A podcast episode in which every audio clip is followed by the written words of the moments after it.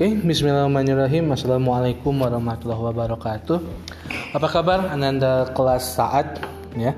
Semoga kalian selalu dalam lindungan Allah Subhanahu wa taala.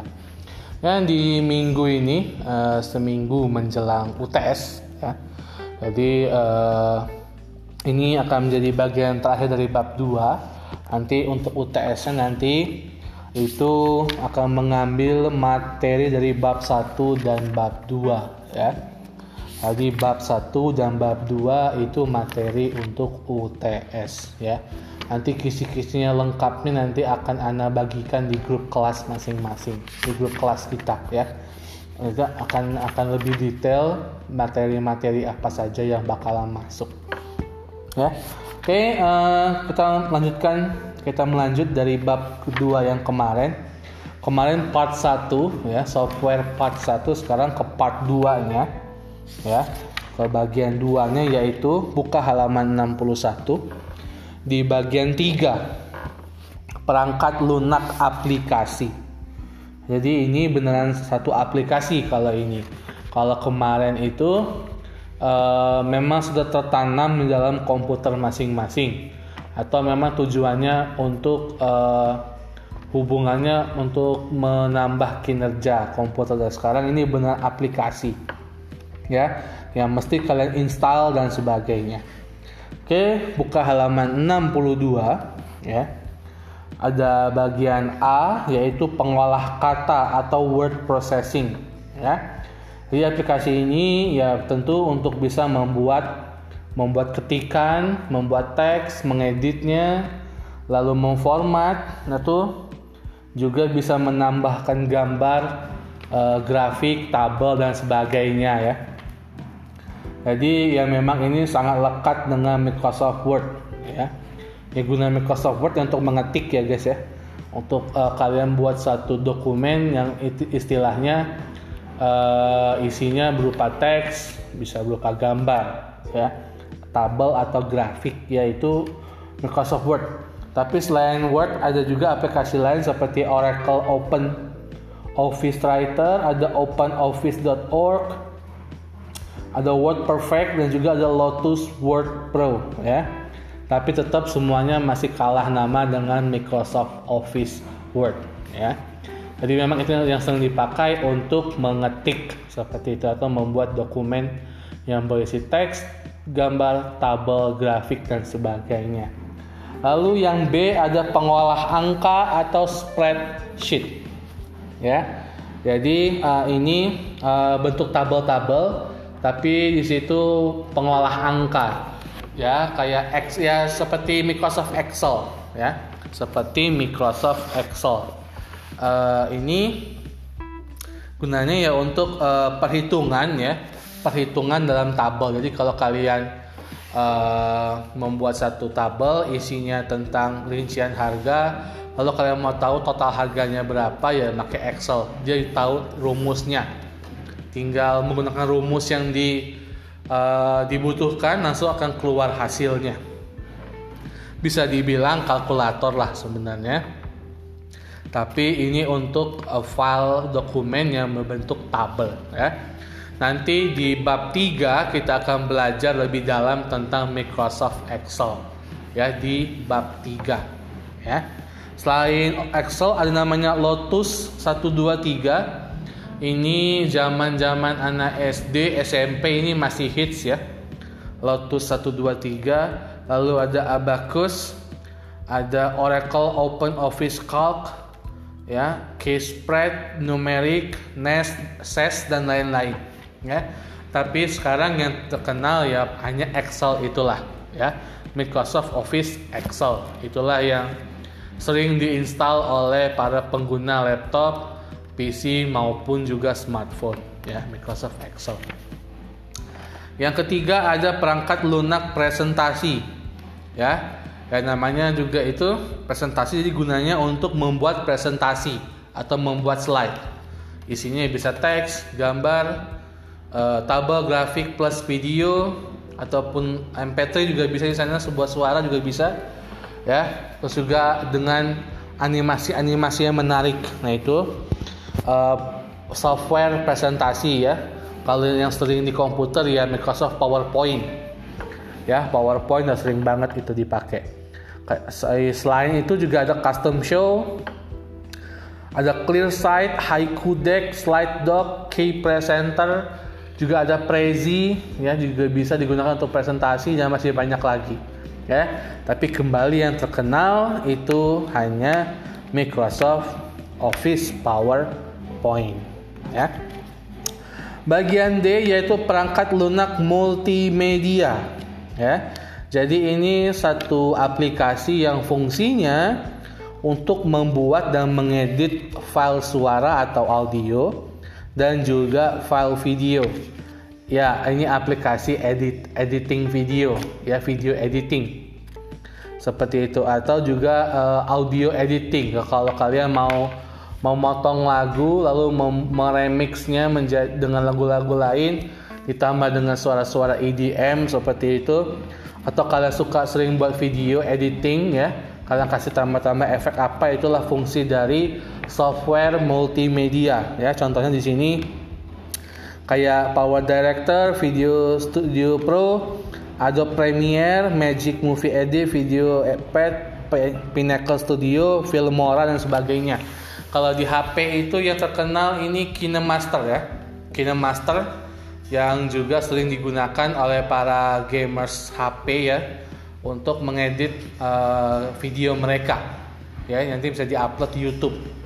Nah ini kuncinya kalau kalian mau jadi seorang editor video ya kan juga harus menguasai uh, aplikasi-aplikasi yang disebutkan tadi atau Photoshop itu juga termasuk ya untuk mengedit foto seperti juga itu juga masuk. Berikutnya adalah perangkat lunak database. Nah, database ini uh, namanya database ya artinya dia tempat menyimpan data-data jadi misalnya uh, kalau kalian dalam satu perusahaan seperti dalam satu perusahaan nah, kalian uh, punya nama-nama atau data-data karyawan kalian itu semua tersimpan dalam uh, aplikasi atau software database. Jadi nama-nama kalian, nama-nama karyawan kalian biodatanya lengkap, nama, tanggal lahir, asal sebagainya itu semua tersimpan rapi dalam satu database. Jadi kalian tinggal mengakses data itu, kalian akan langsung dapat secara lengkap, ya. Contohnya kayak Office Access, SQL, Oracle dan sebagainya, ya.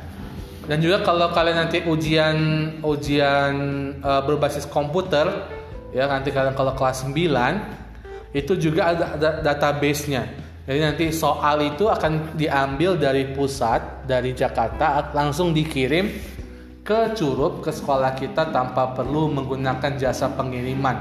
Cukup tinggal menghubungkan dengan internet maka akan terdownload dengan sendirinya. Yang kita download itu adalah database-nya, datanya ya. Jadi tinggal langsung pindah ke komputer seperti itu. Hmm. Lalu ada software enterprise. Enterprise ini khusus untuk perusahaan ya. Jadi uh, kalau kembali sama kayak database, tapi enterprise ini dia lebih spesifik memang khusus untuk perusahaan. Jadi kalau misalkan kalian uh, punya satu kantor, terus juga uh, punya tentang keuangan misalnya, keuangan ini ke mau laporannya ke mana, dipakai untuk apa, semuanya itu pakai aplikasi software enterprise supaya nanti uh, tidak berceceran informasi berkaitan dengan internal perusahaan seperti itu. Lalu halaman 64 silakan dibuka sebelahnya ada desktop publishing ya desktop publishing. Nah ini uh, satu uh, aplikasi yang gunanya untuk nanti mencetak dokumen kalian ya. Uh, kalau hardwarenya printer ya. Kalian mau mencetak dokumen pakai printer. Namun aplikasinya ada untuk mengedit dokumen yang siap dicetak. Misalnya kalian mau ngatur kertasnya berapa uh, lalu berapa sentimeter dari dari kanan dari kiri dari atas dari bawah itu semua diatur di aplikasi desktop publishing ya Contohnya ya ada Microsoft Word juga di sana bisa ya. Kalian bisa mengedit dokumen yang akan diketik. Lalu publisher ada Apple Works, Microsoft Works, Express, Adobe PageMaker dan sebagainya ya. Berikutnya ada perangkat lunak pendidikan ya. Jadi oh, namanya pendidikan itu dia tujuannya untuk pendidikan ya. Jadi ada satu software yang digunakan khusus untuk pendidikan. Seperti kalau kalian pernah dengar istilah TOEFL ya atau tes bahasa Inggris, itu kan satu aplikasi yang gunanya untuk pendidikan. Atau kalau yang nggak terlalu jauh kayak ruang guru deh. Ruang guru juga termasuk aplikasi yang khusus untuk pendidikan. Seperti juga uh, seorang guru, terus juga eh, aplikasi-aplikasi uh, lain, aplikasi-aplikasi belajar kayak Zenius atau Rumah Belajar, ya, dan masih banyak lagi, ya memang khusus untuk uh, di bidang pendidikan. Lalu ada perangkat lunak simulasi ya. Simulasi ini ya seperti namanya simulasi yaitu untuk uh, simulasi ya. Untuk mencoba satu hal yang tidak nyata tapi sifatnya kita bisa merasakan. Seperti uh, simulasi kalian menerbangkan pesawat. Itu ada simulatornya dulu sebelum kalian menerbangkan pesawat sesungguhnya. Atau juga misalkan simulator untuk berkendara seperti itu. Nah itu juga adalah satu aplikasi yang memang gunanya untuk mensimulasikan objek ya secara uh, virtual ya virtual reality juga termasuk dalam software simulasi lalu berikutnya ada perangkat lunak browser ya browser ini ya kayak Opera, Google Chrome, Mozilla dan lain sebagainya ya gunanya untuk uh, internet ya mengakses halaman-halaman internet. Uh, dan berikutnya ada perangkat lunak email ya. Kalau kalian punya email, nah di sinilah uh, aplikasinya kayak Gmail atau dulu ada Yahoo ya. Dan banyak lagi jenisnya. Di halam di bagian 2.18 itu juga ada ya. Contoh Gmail ya sebagai aplikasi software email.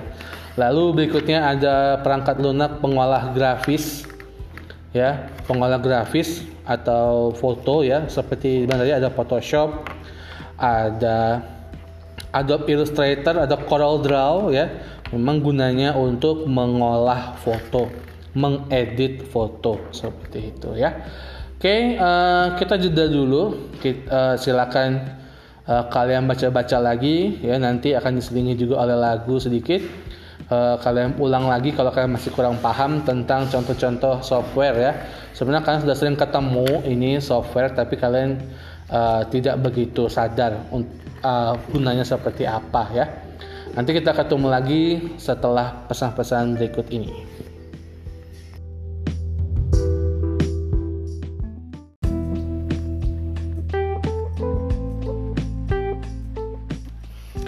Oke, kita lanjut lagi uh, di bagian terakhir ya ke bagian terakhir dari bab 2 ya. Yaitu lisensi perangkat lunak ya. Jadi uh, yang, yang namanya software itu tidak semuanya gratis ya. Tidak semua software itu gratis. Ada yang berbayar ya. Dan karena berbayar ini tadi banyak para tangan-tangan nakal ya untuk membajak software ini. Untuk membajak software ini. Maka sebenarnya hal ini sangat dilarang karena melanggar hak cipta ya. Kalian lihat di halaman 66 ya. Contohnya seperti Misalnya perangkat lunak X diciptakan oleh Budi dan dijual kepada Yanti. Ketika penjualan terjadi, Budi dan Yanti membuat perjanjian kalau Yanti berhak mengubah perangkat lunak tersebut sesuai dengan kebutuhannya. Setelah diubah oleh Yanti, siapakah pemilik hak cipta atau lisensinya? Ya. Jadi terkadang kita ada satu aplikasi kita beli misalkan dari dari seseorang, lalu kalian edit aplikasi itu supaya uh, menjadi lebih bagus atau lebih uh, keren lah. Dan kasus hak cipta ini sering terjadi ya. Atau juga uh, kalau tidak hak cipta itu masalah download ilegal. Jadi mereka buat aplikasi dengan susah payah dengan mengorbankan energi dan waktunya ya. Membuat satu aplikasi eh ternyata dibajak orang ya. Di mana harusnya dia dapat uang dari sana malah dibuat atau dibajak secara gratis. Maka ya tentu rugi dong ya kan sebagai pembuat aplikasi ya masa ya kali gitu kan. Nah yang seperti ini juga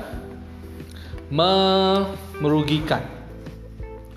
Buat hmm, sorry buat para pembuat aplikasi tentunya. Dan di sini akan anda jelaskan lisensinya atau ada beberapa tahapan atau dalam ada beberapa kelas ya dalam aplikasi yang mana yang berbayar dan sebagainya ya yang pertama ini bagian A halaman 67 itu bagian A yaitu retail software. Retail software. Jadi software ini dijual di toko-toko atau distributor resmi. Ya, jadi ini aplikasi yang dijual secara resmi di toko-toko ya. Uh, dan juga di, bisa melalui internet ya tapi biasanya kalau kalian langsung beli dari internet, kalian nggak tidak mendapatkan support atau bantuan misalnya tiba-tiba aplikasi kalian macet. Ya, kalau di internet itu mereka tidak mau tahu, tidak tahu apa-apa karena mereka juga menjual dari pihak lain. Tapi kalau kalian belinya langsung dari sebuah toko yang bergaransi resmi, maka mereka akan siap membantu apabila terjadi se terjadi suatu problem dalam aplikasi kalian. Ya. Itu yang paling atas tingkatannya, ya. Yang bisa dibilang eh, yang benar-benar berbayar seperti itu. Lalu yang B yaitu ada OM, Original Equipment Manufacturer. Ya. Nah, ini jadi uh, software ya yang dijual ke penjual lainnya atau istilahnya reseller. Jadi uh, software ini dijual kepada mereka-mereka yang akan menjualnya lagi, ya. Tapi nanti akan didesain menjadi uh, satu bundling seperti itu atau satu uh, bisa dibilang uh, satu rangkaian, ya.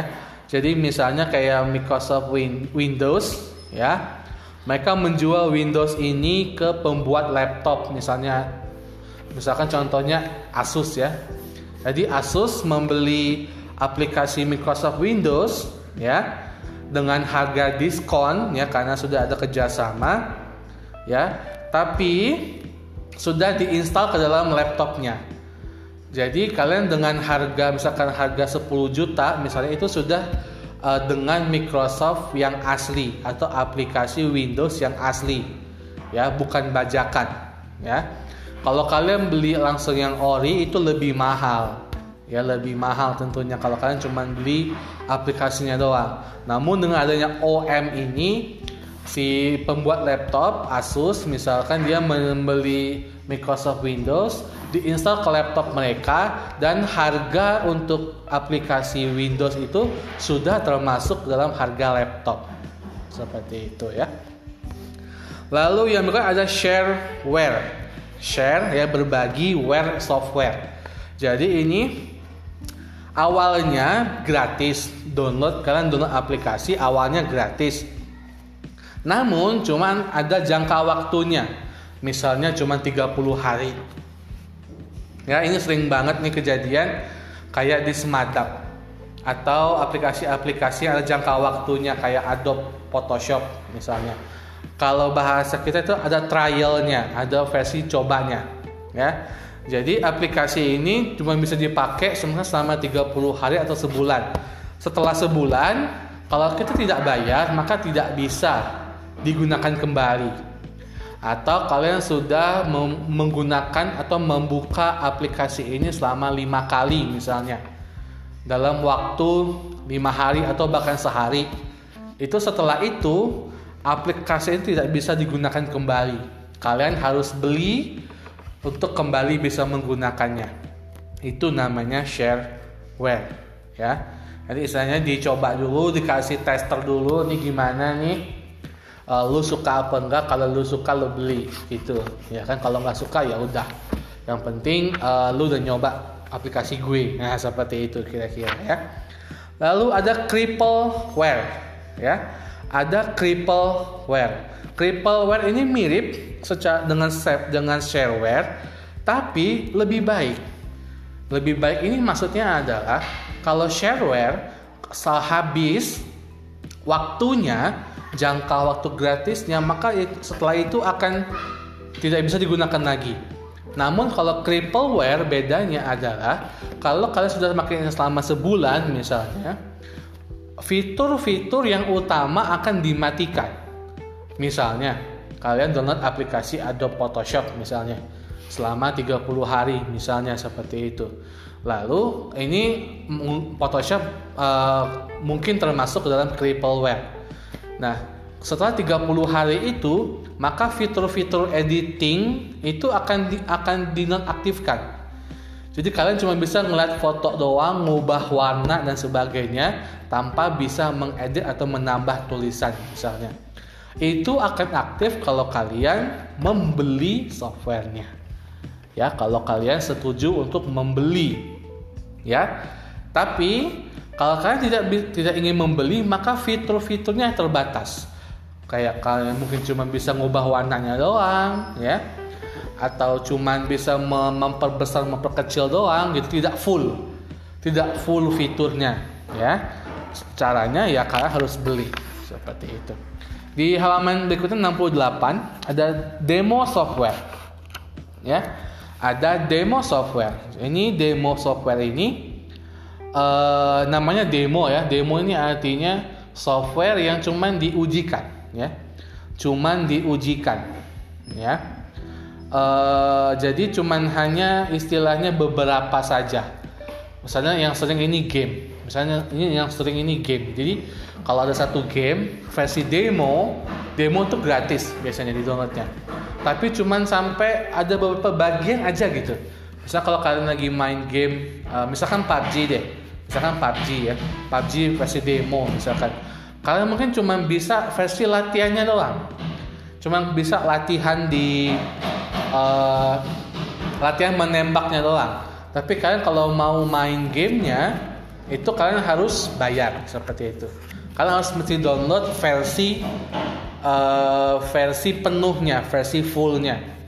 Atau kalian download PES misalnya, PES. PES uh, versi demo misalnya atau FIFA versi demo.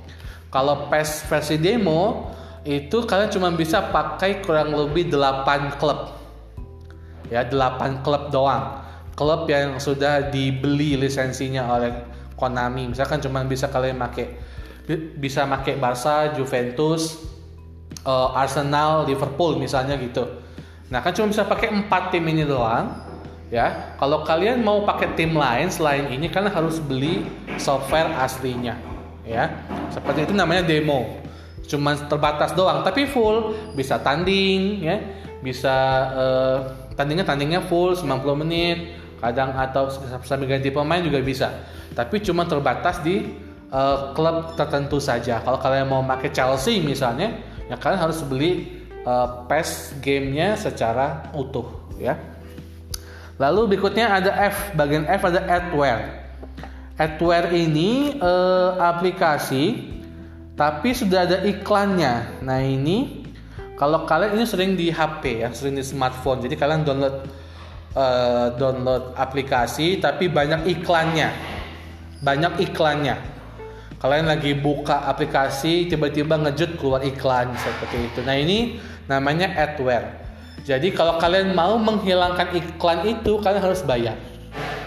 Ya kalian harus bayar bayar aplikasinya supaya iklannya menghilang ya.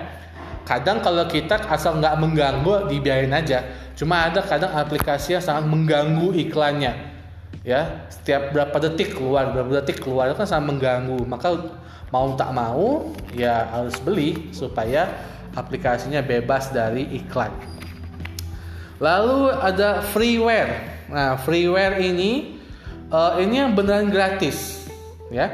Ini yang beneran gratis tapi untuk konsumsi pribadi bukan untuk komersial.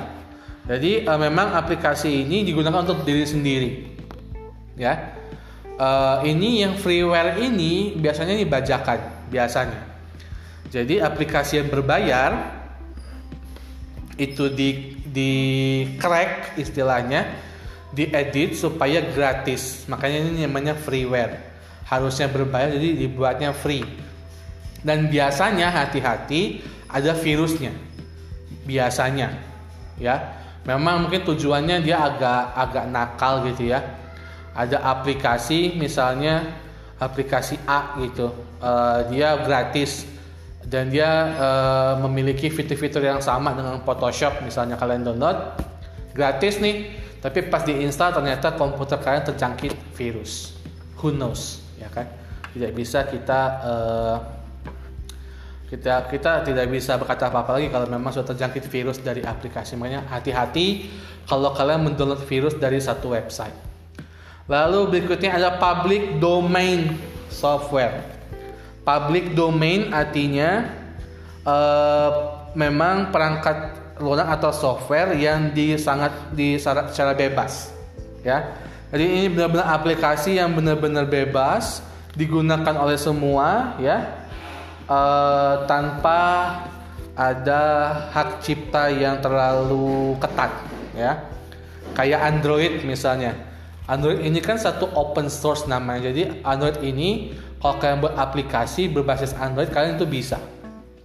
Ya Androidnya itu untuk membuat aplikasinya itu uh, berbasis Android kalian juga bisa membuat aplikasi sendiri yaitu namanya public domain software.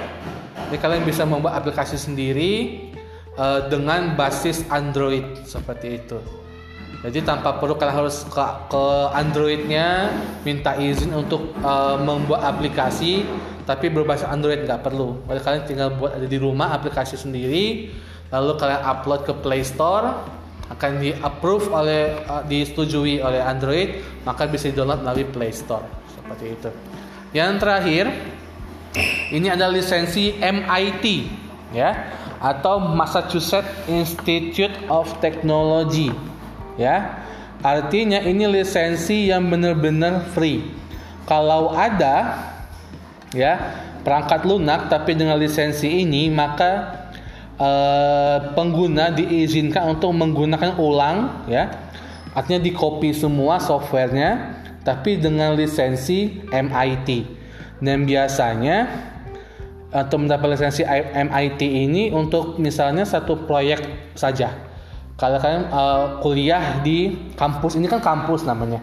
MIT itu sebuah kampus sebenarnya dan uh, kampus ini dia membeli software tapi dengan atas nama MIT maka mahasiswanya itu bisa menggunakan lisensi MIT untuk mendownload aplikasi secara gratis tapi dengan lisensi kampus ini. Setelah mereka keluar dari kampus maka tidak bisa lagi menggunakan aplikasi tersebut.